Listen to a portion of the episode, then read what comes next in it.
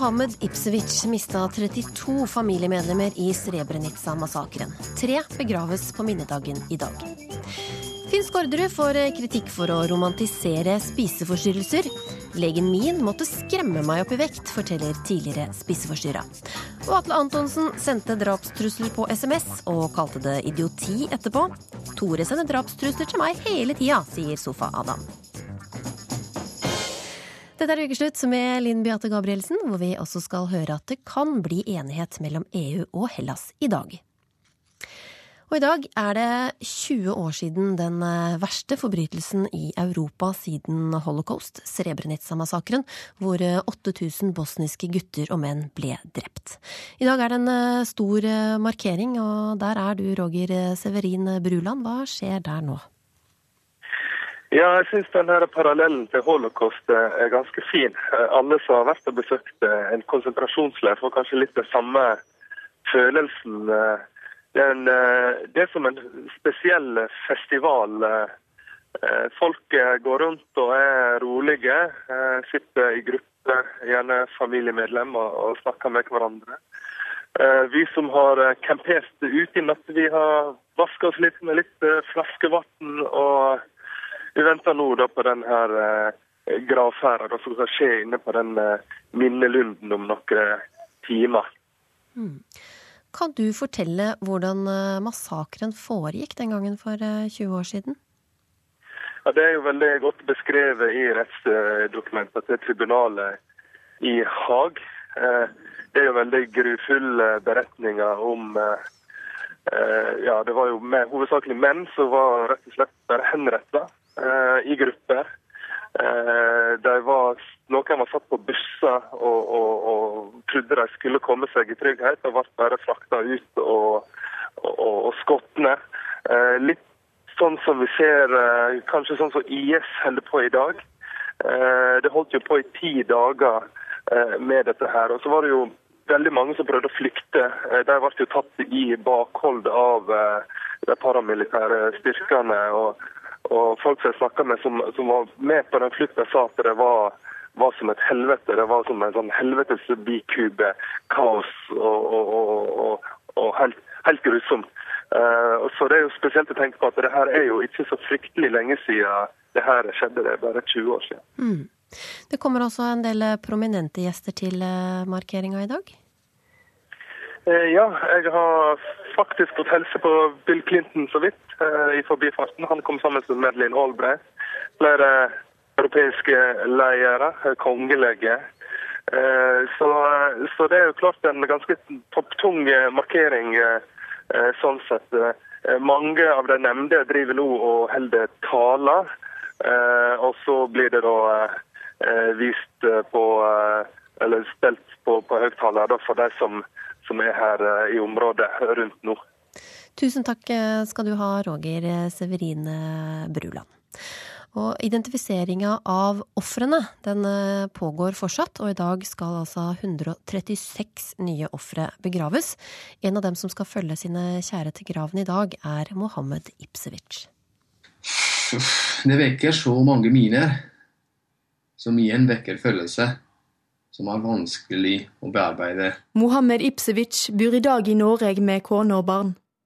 Han var ikke sjøl i Srebrenica under massakren, da han to år tidligere hadde kommet seg ut, men det var det ikke alle i hans familie som hadde gjort.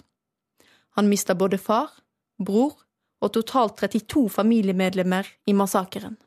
Det var veldig tungt å være veldig redd som 15-åring og oppleve sånne ting, så det, det er ikke lett.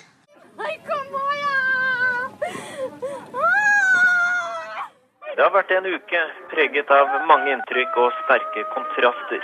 Det er noen inntrykk som har festet seg mer enn andre, naturlig nok.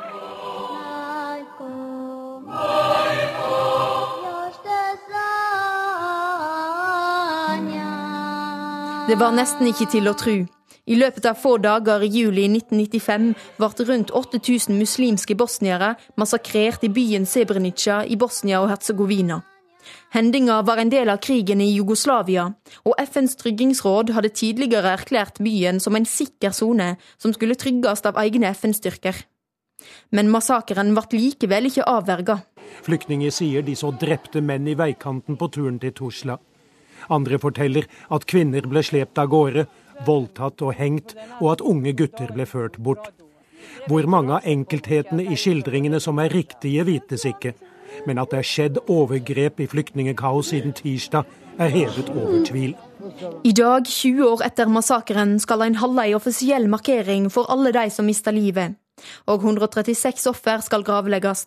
Leo Ajkic var bare en liten gutt da det skjedde, og han var sjøl ikke i byen Sebrenica.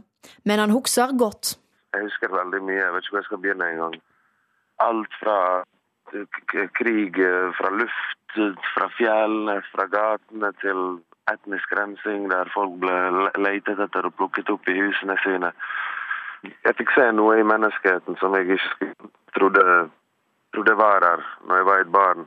Mohammed Ibsevic skal i dag følge med via fjernsynet når tre av hans familiemedlem finner sin siste hvileplass. For han vil nok Sebrenica for alltid være et åpesår som aldri gror igjen. Man kan ikke bare glemme dette her, man kan ikke bare tilgi dette her, men man må finne veien å gå videre.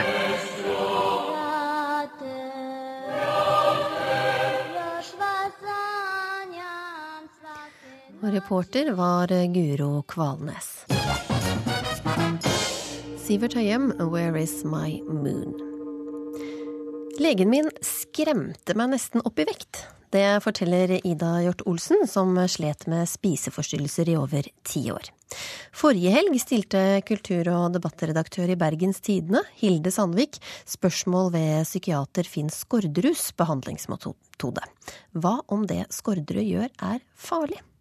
Ukeslutts reporter Runa Rød har møtt eh, to kvinner som begge har hatt spiseforstyrrelser, og som har et ulikt syn på hva slags behandling som virker. Veldig glad i søtsaker, og du ser at jeg har Nugatti her. Eh, og det gikk jo Når jeg var syk, så gikk det jo Altså, jeg tror ikke jeg spiste Nugatti på seriøst ti år. Eh, men nå spiser jeg det hver dag. Kjøleskapet til 29 år gamle Ida Hjort Olsen vitner om et annet forhold til mat enn det hun hadde før. Hun bor i en leilighet på Frogner i Oslo. I blå olabuksa, hvit T-skjorte og med det blonde håret satt i en løs hestehale, setter hun seg i den hvite sofaen i stua og forteller om da hun som 14-åring fikk spiseforstyrrelser. Den sommeren, da, eller så skulle jeg reise til Spania, Spania med familien. Og da sa foreldrene mine sånn at hvis ikke, eller hvis jeg gikk ned mer vekt i løpet av den ferien på 14 dager, da var det bare rett til legen no matter what. Um, det var jo det der som skjedde, for at jeg gikk mer ytterligere ned i vekt når jeg var nede i Spania. Der var det jo varmt, og jeg spiste jo minimalt og eh, trente i smug. Um, jeg skulle handle på butikken, og da løp jeg alltid til butikken. Og det fikk jeg egentlig ikke lov til av foreldrene mine, for jeg hadde egentlig fått et sånt treningsforbud. da, For jeg var jo, var jo allerede for tynn på det tidspunktet.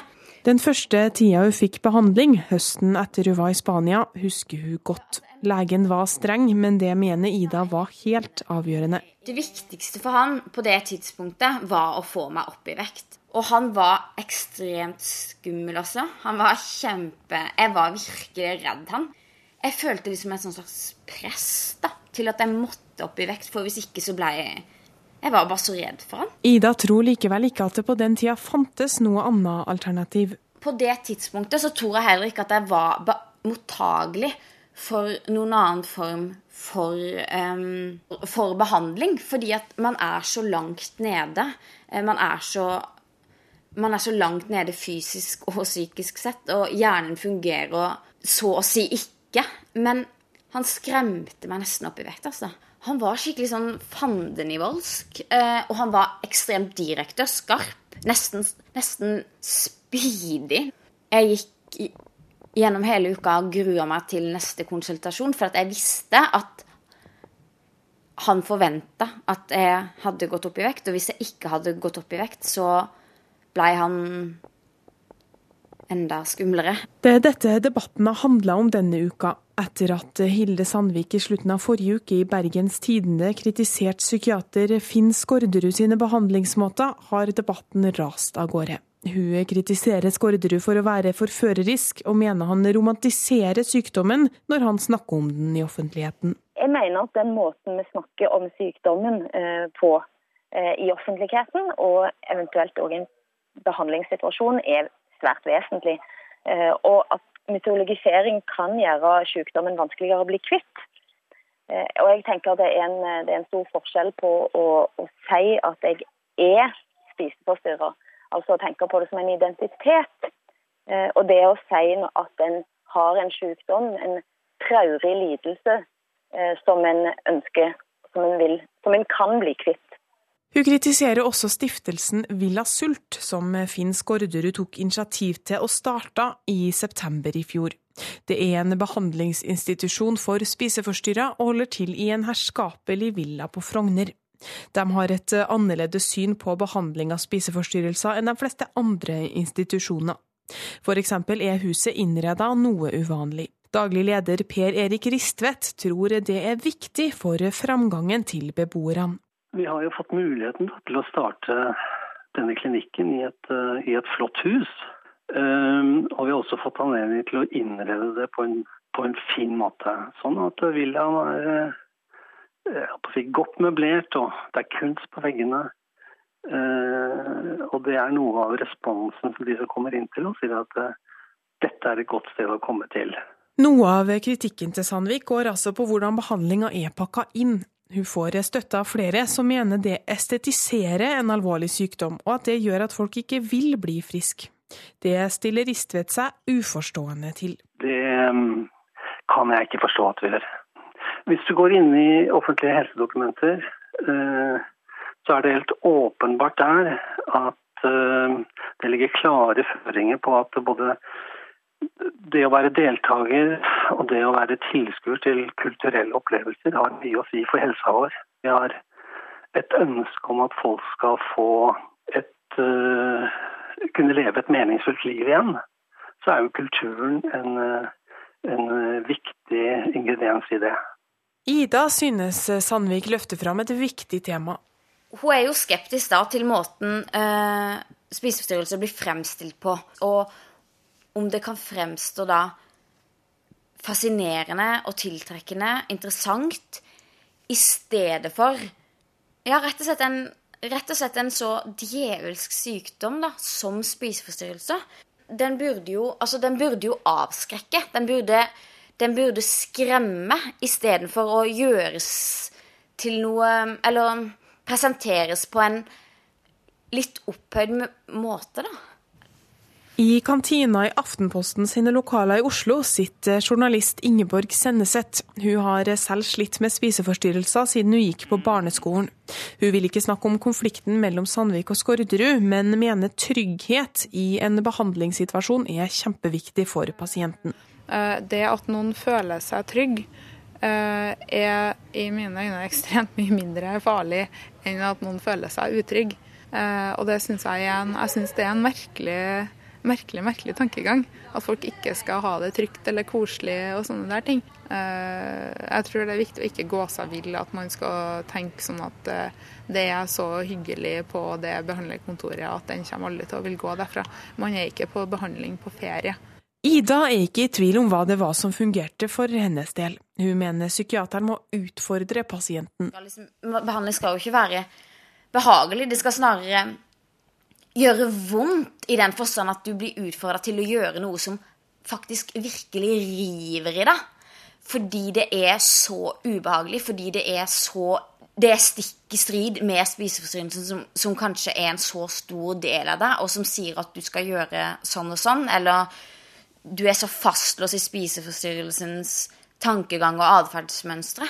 Ida har ingen klar formening om nøyaktig når det var hun ble bedre, men ett minne det står klart for henne. Jeg husker første gang kanskje liksom jeg kjøpte en sjokolade selv og spiste den. liksom sånn, Så syntes jeg jo ikke den smakte godt engang, men jeg visste at på en måte det her var en barriere for meg likevel. Det var en barriere å bare kjøpe den sjokoladen og bare spise den. Hva skal du gjøre hvis du enten har sendt en pinlig SMS til feil person, eller angrer på en litt for ærlig mail? Sofagutta og Susanne Aabel har straks råd til oss, men først Carly Rae Jepsen, I Really Like You. Har du noen gang eh, sendt en SMS som du har angra på? Ja, det har jeg nok. Hva sto det i eh, den SMS-en? Det var vel noe, noe litt sånn pinlige spørsmål kanskje, som jeg svarte litt dumt på. Eller jeg føler noe at jeg har skrevet noe som er litt for slemt, som jeg ikke har ment. Men som jeg på en måte har skrevet hvis jeg var sur, da. Oh, det kommer jeg ikke ihåg. Eh, pinsamt var det i alle fall. Eh, Det var vel eh, i eh, beruselse eh, sånn seint på natta i tre-fire-draget. Någonting som inte var så passande att skicka till kärsten min.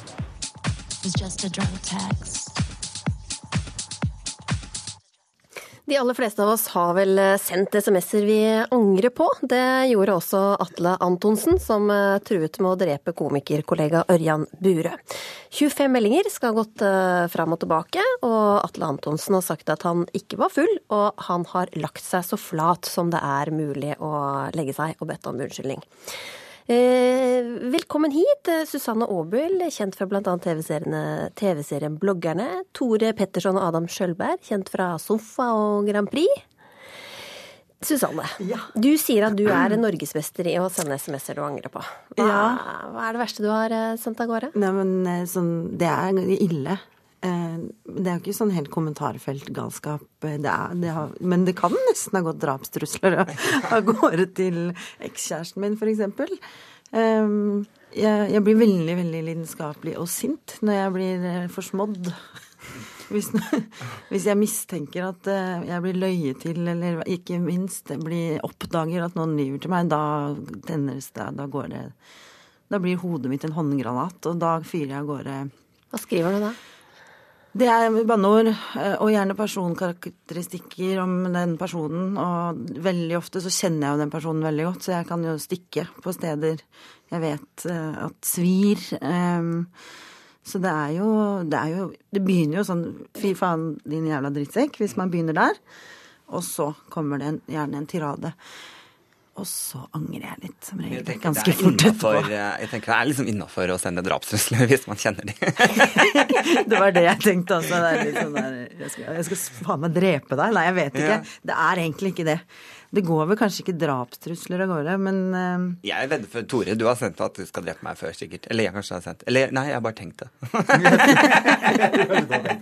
Nei, jeg tror at det at ting har blitt så innmari anonymt, da, eh, at man venner seg til å sitte på Facebook eller sitte på et eller annet og kalle seg for bla, bla, bla, liksom, eh, så har det blitt lettere å gå til de eh, på en måte Ja, at man, at man velger å gå dit at man sier 'jeg skal drepe deg', eh, fordi det blir liksom ikke noe viktig Ja. lenger. Men for de som får det imot, det det, eller tar dem imot, det, det jeg syns er så skummelt med det, fordi det er, det er ikke noe tonefall. I, eh, I meldinger. Så når du får sort på hvitt eh, 'jeg skal drepe deg', så er det veldig eh, tungt. Og man sier jo, men det var jo en spøk. Og så tenker jeg sånn, Hvor lett er det å ta den spøken? For du Ja. hører jo ikke noe tonefall. Du ser jo bare 'jeg skal drepe deg'. Hjelper jo ikke med blunketegn. Jo, det sånn, hvis du tar et bilde av meg når jeg er sånn kjempefull, og så ser, hvis du legger det ut på nett, så dreper jeg deg.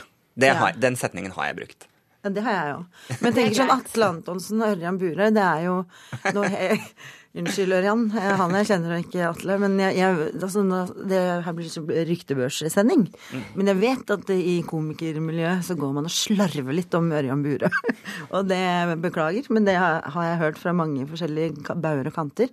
Og så gikk eh, Atle Antonsen ut eh, og gjorde det her. Om han har vært edru eller ikke, det syns jeg er litt viktig. For det er dobbelt så creepy at han var edru. Jeg tenker Hvis han hadde, er hvis han hadde fått på noen øl eller styrta en flaske vodka, så kunne man kanskje forstått de, disse 25 meldingene.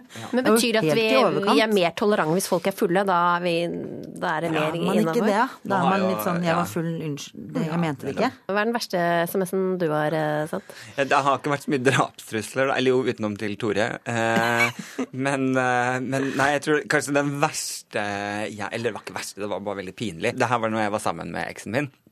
Og så skulle jeg sende en melding til han, for vi hadde hatt vi hadde hatt en kanskje litt over gjennomsnittlig hyggelig morgen uh, den dagen. Uh, og så skulle jeg være litt sånn gøyal utpå dagen og sende melding til han um, der jeg skrev eh, 'fin tiss'. Eh, nå var det sånn at han var lagret på telefonen som Han var lagret på min telefon som mannen min, som da også står ved siden av mammaen min. Nei. Eh, og da, så gikk det en stund på dagen, så får jeg svar tilbake fra mamma der det sto sånn eh, Du, nå er det jo nesten 30 år siden du har sett den, men det er veldig hyggelig at du husker den som veldig fin, altså. så, og da, det er jo litt pinlig akkurat da, men heldigvis er mamma sånn som tuller det vekk, så det, det Pju! Ja. Dette elsker jeg. Har du, noen, har du noe å tilstå her? Ja, Jeg hadde en uh, jente på jobben som jeg ikke Vi var ikke så glad i hverandre. Eh, Så klokken 02.43 eller noe sånt, tror jeg det var, så bestemmer jeg for å sende en melding uh, om alt jeg mente om henne. Og den sendte jeg til hele jobben med han som sitter og er sjef for hele På mail, ja. Um, så det var jo, da var det jo selvfølgelig noen dager hvor jeg ikke svarte på mail ikke tok telefonen. Så det var litt sånn, men jeg er litt sånn rund på det, da, at hvis det kommer en melding til meg på natta hvor det står et eller annet negativt, så sier jeg jo den var kanskje ikke til meg, og så kan det mennesket si eh, nei, den var ikke til deg. Og så snakker vi ikke noe mer om det. Jeg, akkurat når det kommer til alkohol, så er jeg litt rundt på det.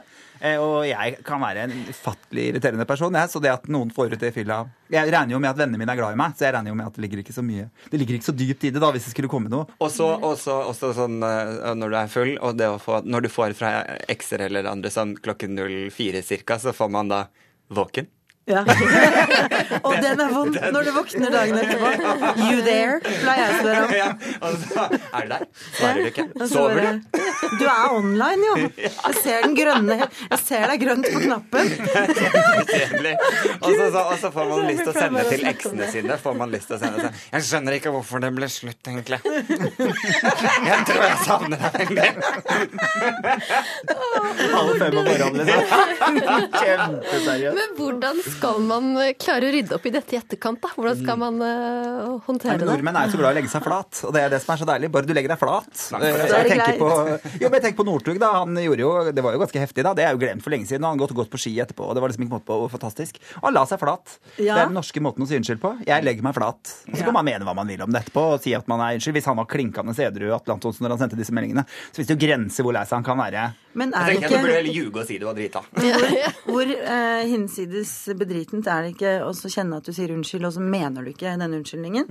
Og så får du kanskje ikke en ordentlig eh, tilgivelse tilbake engang. Nå har du sagt noe stygt til meg, og nå sier du unnskyld. Og så hadde du egentlig ikke lyst til å si unnskyld engang. Så man, man skal kanskje passe seg litt sånn generelt for ikke å si så mye stygt til andre mennesker. Men hva gjør du, Susanne, når, eh, ja, når, du, har, eh, når du angrer? På Når jeg angrer skikkelig, så syns det veldig godt. Da har jeg det ikke noe godt. Så da må jeg, da må jeg beklage meg og, og snakke ut og forklare hva jeg kanskje egentlig mente. Mm. Eller å si sånn da var jeg veldig sint, og fordi at det er som at det. Så jeg tenker eh, åh, man kan ikke leve med man, Jeg klarer ikke leve med dårlig samvittighet. Hva gjør dårlig du, samvittighet. har du noen tips, eh, Adam? Jeg tenker det første jeg alltid eh, Hvis jeg angrer på den litt, så pleier jeg å si sånn Oi, den var ikke til deg. den, den sendte jeg feil. Jeg bare skrev navnet ditt først. Ja. Det var autokorrekt. Det skulle være Turid, ikke Tore. Jeg beklager veldig. Du kjenner ingen Turid, Adam? Jo, jeg ja, og, og så videre. Nei, så det er jo på en måte én ting er, er jo rett og slett å bare si at den var feil. Eller så kan man Jeg også, hvis man sender Det er jo veldig Snapchat er jo veldig farlig, da, for der tar man jo bilder og sender, og da kan man jo sende litt sånn private bilder som kan fly litt rundt der, da. Og også er det veldig fort å trykke til feil person. Eh, og da også pleier jeg å si at eh, ja, det var Tore som stjal telefonen min og tok bilder av seg selv og sendte eh, til noen andre. Eller så Det jeg har gjort Jeg har gjort én gang Nå har jeg aldri tatt bilde av liksom selve eh, Hva moropinna. syns du om det, Tore? Du får skylda. Sa Ja, nei, jeg er så vant til det. Jeg får, jeg får stadig skylda i Adams liv. Så det er, eh, og vi blir tatt for å være hverandre hele tida. Men har dere opplevd å ikke bli tilgitt, da? Eh, Ja, jeg ble ikke tilgitt. Når jeg sendte den mailen ut, eh, situasjonen der ble jo at jeg måtte si unnskyld for at jeg gjorde det full. Eh, Men jeg mente jo alt som sto der. Så det var jo, jeg kunne ikke gå inn der og si unnskyld for at du er drittkjerring, liksom. Så hun ble fly forbanna og gråt litt, da. Krokodilletårer. Forfatter Vigdis Hjorth hun pleier å låse inn mobilen sin når hun tar fram vinflaska. Er det en løsning her? Det er en veldig god idé.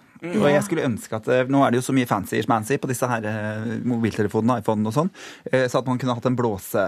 Blåsegreie at du må blåse for å kunne sende en melding, hadde vært veldig fint. Men det er veldig dumt da hvis du plutselig holder på å bli voldtatt og skal ringe Ja, politiet og ikke komme gjennom. tror, Så er det eh, plutselig litt leit. Don't, don't drink and dial. Det Ja, det har er man en vel strengt. Men også på, på iPhone. Hvis du f.eks. sender melding og ser ikke, altså Hvis du sender tekstmelding da, og ser at den nå sender den, og så ser du at du har skrevet noe feil ja. Det raskeste da å gjøre er faktisk å dra opp det og skru på mm, flymodus med en gang, for da blir den ikke sendt. Så, da har du en, så det er et godt tips. Et godt tips. Kjempetips. Mm, da, rekker du, da rekker du å stoppe den. Yes. Tusen hjertelig takk, dere. Det var eh, så langt vi kom. Og Ukeslutt fortsetter med disse sakene. Mange søker på gratis ferietilbud for eh, fattige, men rekordmange får nei i år. Det er litt sånn tabu. Sier mor. Og alkoholiker ber politikerne slutte å dele ut stadig flere skjenkebevillinger. Ruspolitikken er som å tømme badekaret med teskje mens kranene står åpne. Hellas sin skjebne kan bli avgjort i dag. EU er eh, positive til de greske reformforslagene som den eh, greske nasjonalforsamlinga sa ja til i natt. Forslaget ligner på det grekerne sa nei til søndag, og innebærer kutt i pensjonsutgiftene, privatisering og fjerning av skattefordeler på øyene. Europakorrespondent eh, Åse Marit Befring, parlamentet sa altså ja til å forhandle i natt, men hva skjer videre nå? Klokka tre i dag så møtes eh, eurosonens finansministre, og det er de som skal avgjøre Hellas sin skjebne nå. Eh, der kommer de til å debattere dette forslaget og finne ut om de vil sette i gang formelle forhandlinger med Hellas eller ei. Eh, og den endelige fristen for enighet er satt i morgen. Da blir det muligens et toppmøte med stats- og regjeringssjefen i EU, eh, og det vil finne sted her i, i Brussel. Men mye tyder nå på at eh, dette møtet kan bli unødvendig nødvendig, fordi at eh, finansministrene mest sannsynlig nå kommer til å gå inn for denne avtalen. Hvilken vei kan eh, dette gå, da?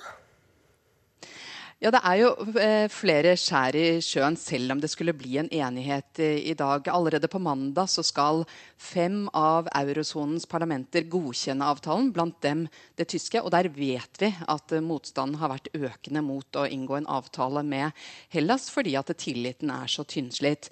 Og I tillegg så kan det også bli vanskelig å få gjennom disse reformene i Hellas. I natt under voteringen så var det flere politikere fra regjeringspartiet Syriza som stemte nei eller var fraværende. fordi at eh, denne regjeringen har altså gått til valg på at de ikke skal ha innsparinger.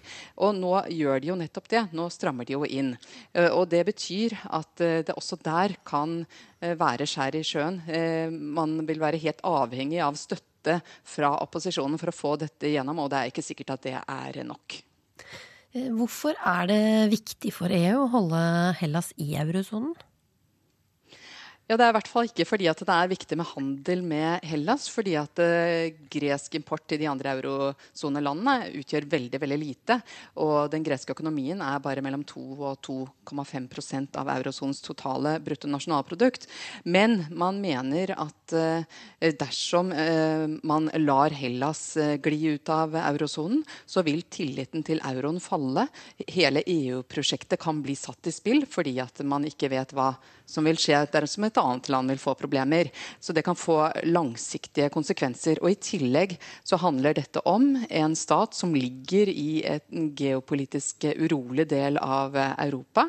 Eh, så også av sikkerhetsgrunner så ønsker man å beholde Hellas innenfor. Og man vil heller ikke at Hellas skal knytte eh, sterkere bånd til Russland. Takk skal du ha, også Marit eh, Befring. Så skal vi til deg, Vivi Nordvik. Du er eh, halvt gresk og er på Kreta nå. Hva sier grekerne til at eh, nasjonalforsamlinga går med på flere reformer, bl.a. å fjerne skattefordeler på øyene? Ja, jeg har snakka med flere i dag, og de sier eh, de skjønner ikke nå hvorfor det var folkeavstemning. Det skapte ganske steile fronter folk imellom. Mye diskusjoner, krangel. Og så kom den seiersrusen etterpå i et døgn over nei.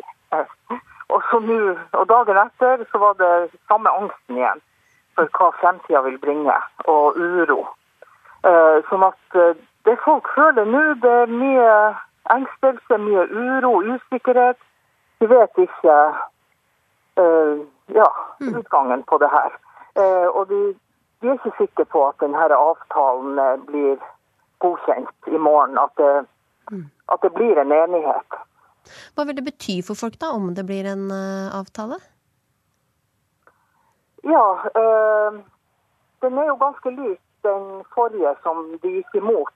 Eh, og altså, det de, de sier at de stemte ikke nei for å gå ut av EU og ut av EU-sonen.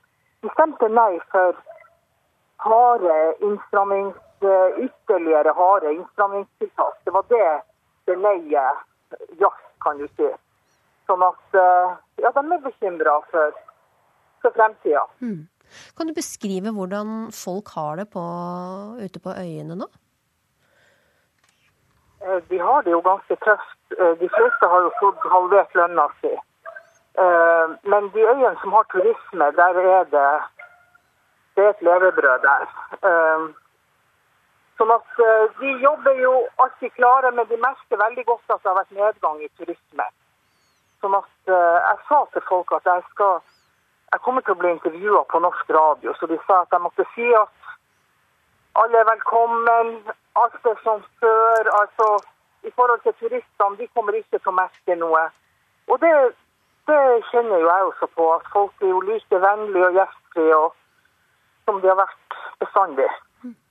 Og de ønsker folk velkommen. Det er levebrødet deres. Det, det er bare turismen de, de har. Mm. Og hvordan opplever du situasjonen da, som norsk norskgreker? Ja eh, Ja, jeg må si at jeg, jeg har veldig lyst til å støtte grekerne nå. De, eh, de har det vanskelig. Det er veldig mye De har mye sånn negativ eh, Fått veldig mye negativ omtale. Og det er jo synd, da. Eh, Og de er klar over det sjøl. Og mange sier vi skammer oss over at de blir diskutert i hele Europa. og ja. Og de håper at krisa skal ta slutt snart. At de, at de kan begynne å gå oppover igjen. Mm. Tusen takk eh, skal du ha, Vivi Norik, for at du var med her i eh, Ukeslutt. Og vi skal tilbake til eh, minnemarkeringa etter eh, Srebrenica. For eh, den serbiske statsministeren ble nettopp jaget fra området der markeringa foregår. Roger Severin Brula, hva var det som skjedde?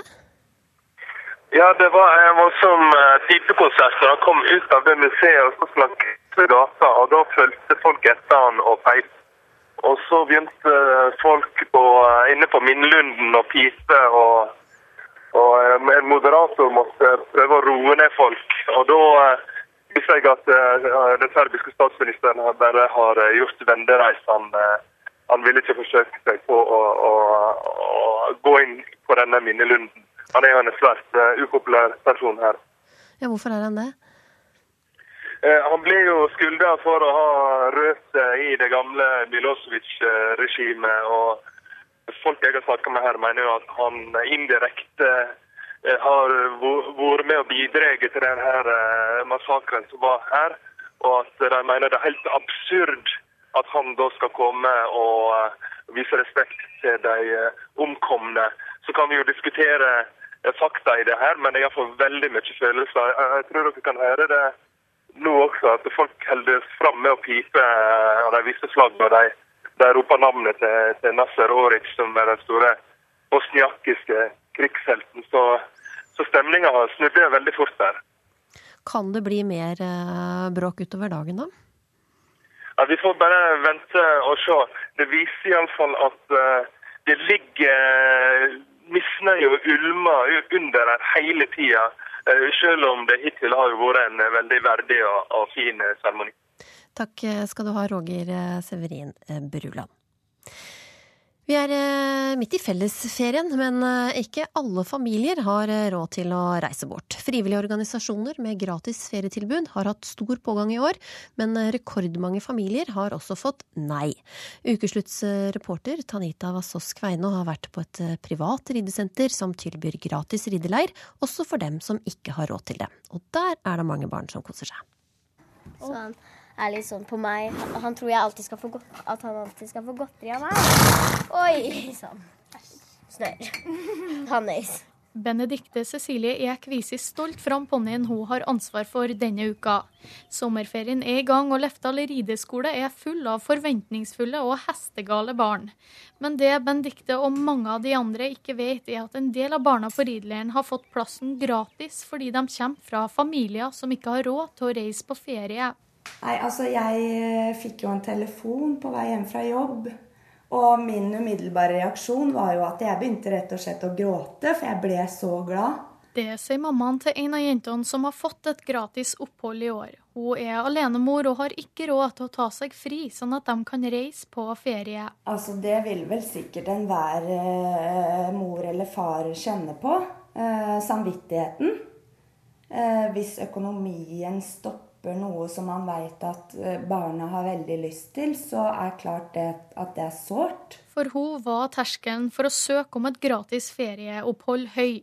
Hun ønsker å være anonym og tror at mange familier skammer seg over å leve under fattigdomsgrensa. Altså, jeg tror vel ikke umiddelbart at eh, det er noe folk har lyst til å si høyt. Det er litt sånn tabu, på en måte. Eh, Jeg har jo følt på det sjøl også enkelte ganger. Det er jo ikke det er jo ikke noe man roper ut høyt at 'jeg har ikke råd til eh, å å sende barnet mitt på det barnet har lyst til'. Bente Kristina Alveng har sjøl følt barnefattigdom på kroppen, og er sammen med Anders Lefdal en av initiativtakerne bak gratis riller for vanskeligstilte barn. De får faktisk litt sånn sjokk.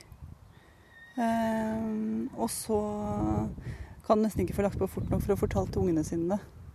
Og det er den følelsen der å vite at noen foreldre ønsker barna sine på en sommeropplevelse så mye, og ikke kan gi det, det kommer så veldig fram i den telefonen jeg er heldig å ta. Og det er veldig sterkt. Etter at lokalavisa omtalte saken, har henvendelsene strømma på.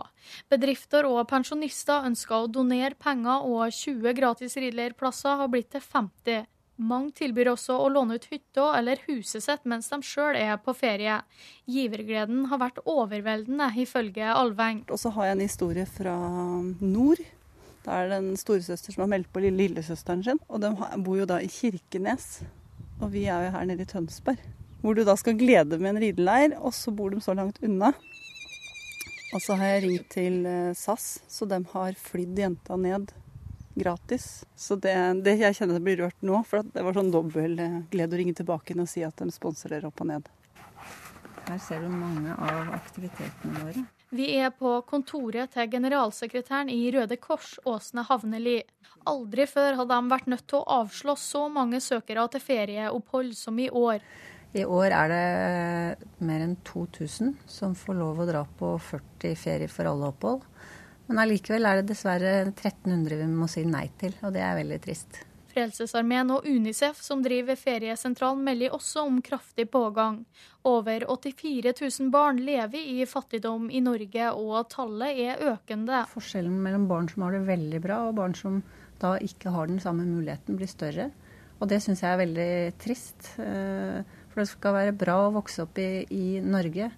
Og vi ser jo også det at barn som da ikke får ta del i aktiviteter som kanskje andre tar som en selvfølge, kan føle at de faller utenfor. eh, Og derfor er det viktig å fange de opp. Jeg syns ikke at jeg er veldig fattig. Men samtidig så er det jo begrensninger. Jeg kan jo på en måte ikke bare Ja, jeg tenker veldig mye økonomi, da. Spiser dere mye ute, eller shopper dere mye klær, eller eh, Vi spiser ikke mye ute, nei. Altså, jeg har jo råd til å ta med ungene på Mækkern innimellom. Det er jo veldig stas. Det er ikke det. Men det er ikke noe sånn i dag skal vi på Peppes og alle kjøper brus og pizza med dessert. Det er ikke sånn. Det går ikke. Det er det ikke økonomi til. For en enslig forsørger med to barn legger fattigdomsgrensa på 314 000 kroner etter skatt. Alenemoren fra Østfold forteller om en niåring som nå gleder seg til å komme hjem og fortelle hva hun har vært med på i sommer. Og hun gleder seg veldig. Eh, når jeg fortalte henne det, så hoppa hun og dansa rundt og skrek og var helt i hundre. Eh, jeg vet at det er mange barn som får glede av det her. Eh, både denne sommeren og framover. Så jeg syns det er et utrolig godhjerta eh, prosjekt de holder på med. Fattig eller rik, rideleir er gøy for de fleste. Det er skikkelig gøy. Jeg har liksom skikkelig lyst på hest, og så sa mamma hvis du går på rideleir og så ser du hvor mye jobb det er, så har du sikkert ikke lyst på hest lenger. Så kom hun i dag, så sa jeg jeg har fortsatt lyst på hest. Reporter var eh, Tanita Vassås eh, Kveina. Og nå til noe eh, ganske annet her i Ukeslutt.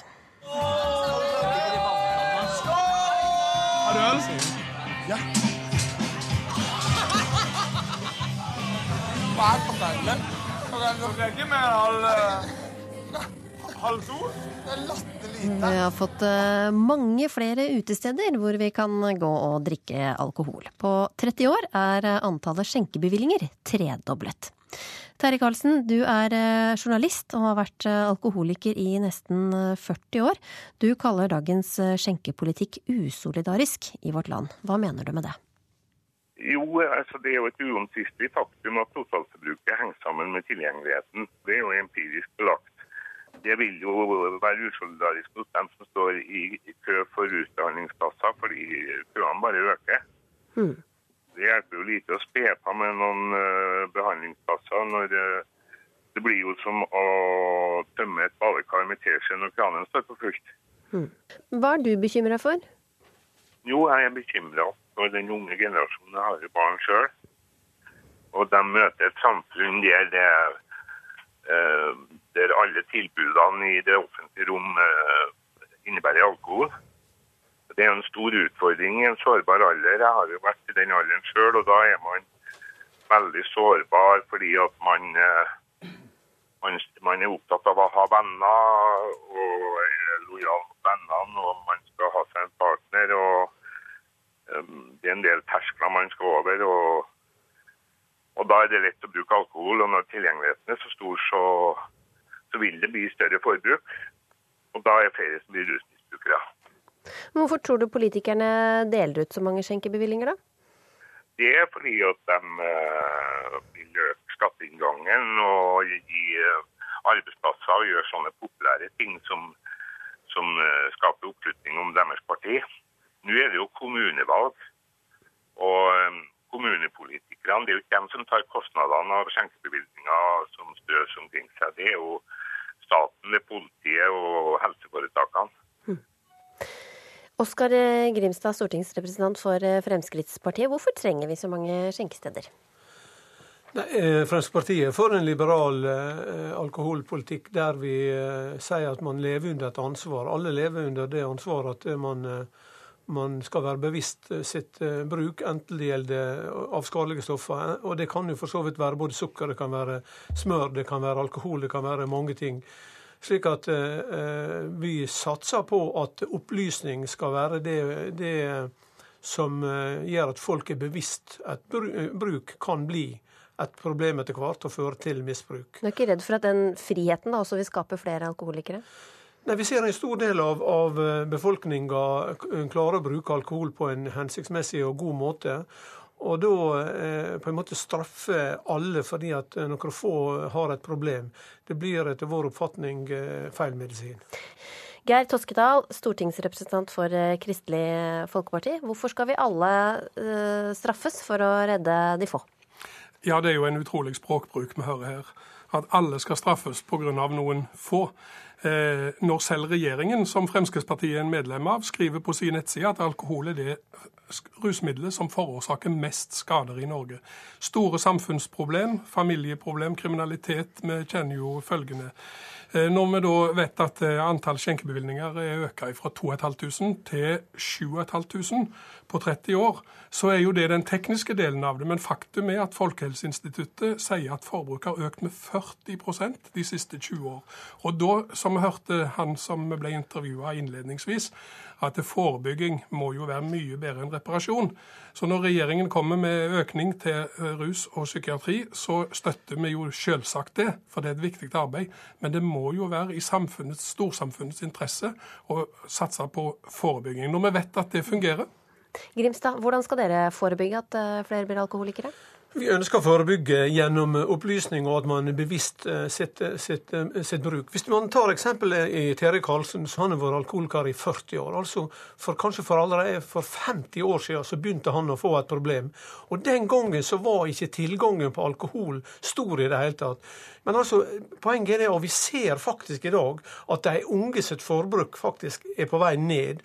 Og det handler om at medisinen vår virker. Du blir gjort kjent med hva skade det kan medføre.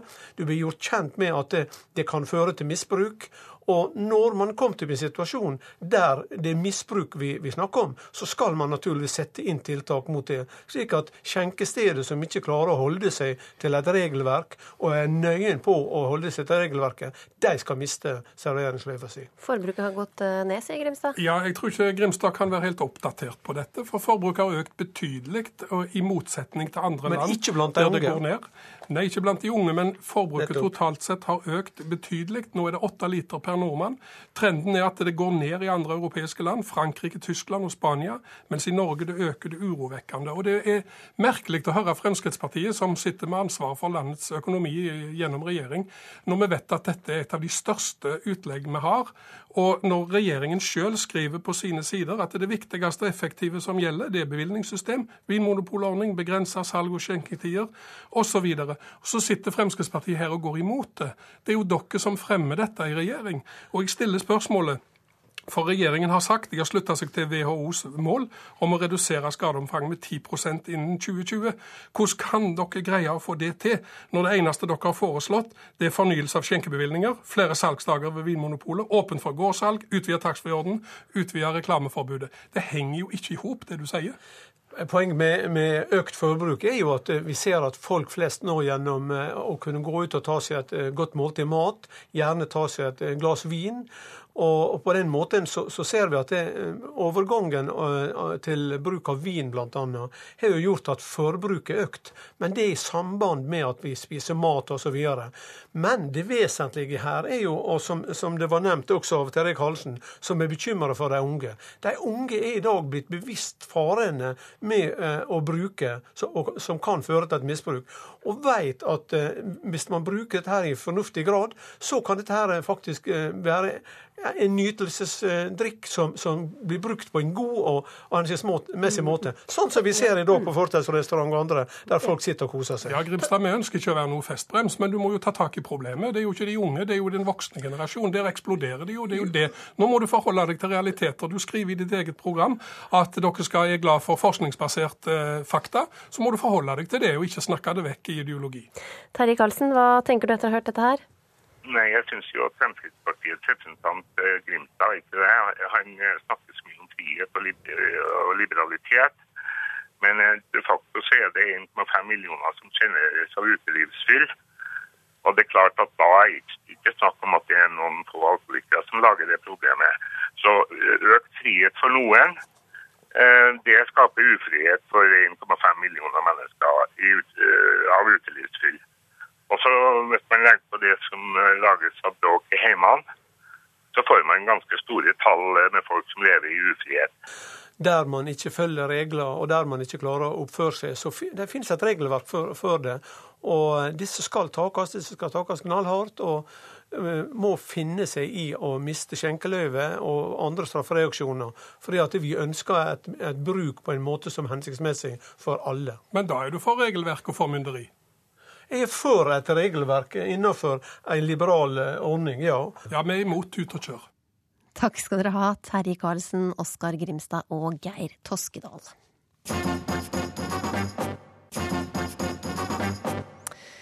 Ja, Mye står og faller på været nå i eh, sommerferien. Kristen eh, Gislefoss, vi legger vårt eh, sommerværhåp til deg. Blir det fortsatt en del sol i deler av landet? Ja, mange steder får nok en god del sol både resten av dagen i dag og morgendagen. Men så er det jo noen nedbør som lurer her og der. Og sånn må vi leve med det, for det er litt ustabile forhold. Og vi kan se på varselet sånn som det er nå. Og Det lyd på at et regnvær kom inn over Vestlandet sør for Stad. Og utover kvelden vil også Sunnmøre få føling med nedbøren. Ellers så skyter det til i Møre og Romsdal. I Trøndelag får stort sett fint vær resten av dagen. Når det gjelder Sørlandet, Telemark og Østlandet, så blir også her mer sky etter hvert. og Sørlandet får litt regn utover ettermiddagen. Senere også i Telemark og for sent i kveld i de vestlige områdene på Østlandet. Langs kysten av Trøndelag, Møre og Romsdal ventes nordøstlige vinder opp til frisk bris. Sør for Stad ventes frisk bris fra en sørøstlig retning. I Nord-Norge ventes noe sol, mest i Nordland, men langs kysten kan det forekomme en del tåkeskyer ytterst. Og i ytre strøk øst i Finnmark kan det komme litt regn. Når det gjelder søndagen, så får Vestland regnbyger, Også Sørland, Telemark og Østland får noen regnbyger, men her kommer de fleste bygene om ettermiddagen og i de indre strøkene. På kysten fra Lindesnes og østover kan vinden komme opp i frisk bris fra sørvestlig retning. I Trøndelag ventes mye fint vær, mens i Sør-Trøndelag kan det komme enkelt ettermiddagsby i de indre strøkene. Søndagsvær i Nord-Norge ser ut til å by på mye fint vær, men ytterst på kysten av Nord-Troms og Finnmark kan det forekomme lave tåkeskyer. I Finnmark er det også mulighet for litt regn øst for Nordkapp, mens resten av området må belage seg på en del skyer. På Spitsbergen fortsetter det med rolig vindforhold og lite sky gjennom hele perioden. Så har vi òg noen temperaturer som viser store kontraster. Tromsø 9 grader, Trondheim 14, Bergen 17, Kristiansand 17, Oslo hadde 21 grader. Og Oslo-Blindern var det varmeste stedet nå klokka 13 med 21,1 grader. Og lavest temperatur i natt hadde Grotli med minus 2,8 grader. Så fortsatt kaldt i Fjellheim nattestid. Ja, Vi får eh, glede oss over den eh, sola som kommer, da. Og så får vi hente fram eh, kortstokken når det skyer til. Takk skal du ha, Kristen Gislefoss. Denne timen med ukeslutt er over. Vi som står bak sendinga er ansvarlig Elisabeth Onsum. Teknisk ansvarlig Lars Tronsmoen. I studio Linn Beate Gabrielsen. Og hvert øyeblikk så har vi en podkast klar hvis du mot formodning ikke fikk med deg hele sendinga og har lyst til å høre den igjen. Og du kan også delta i debatten selv på våre Facebook-sider NRK Debatt. Så får du ha en riktig god dag.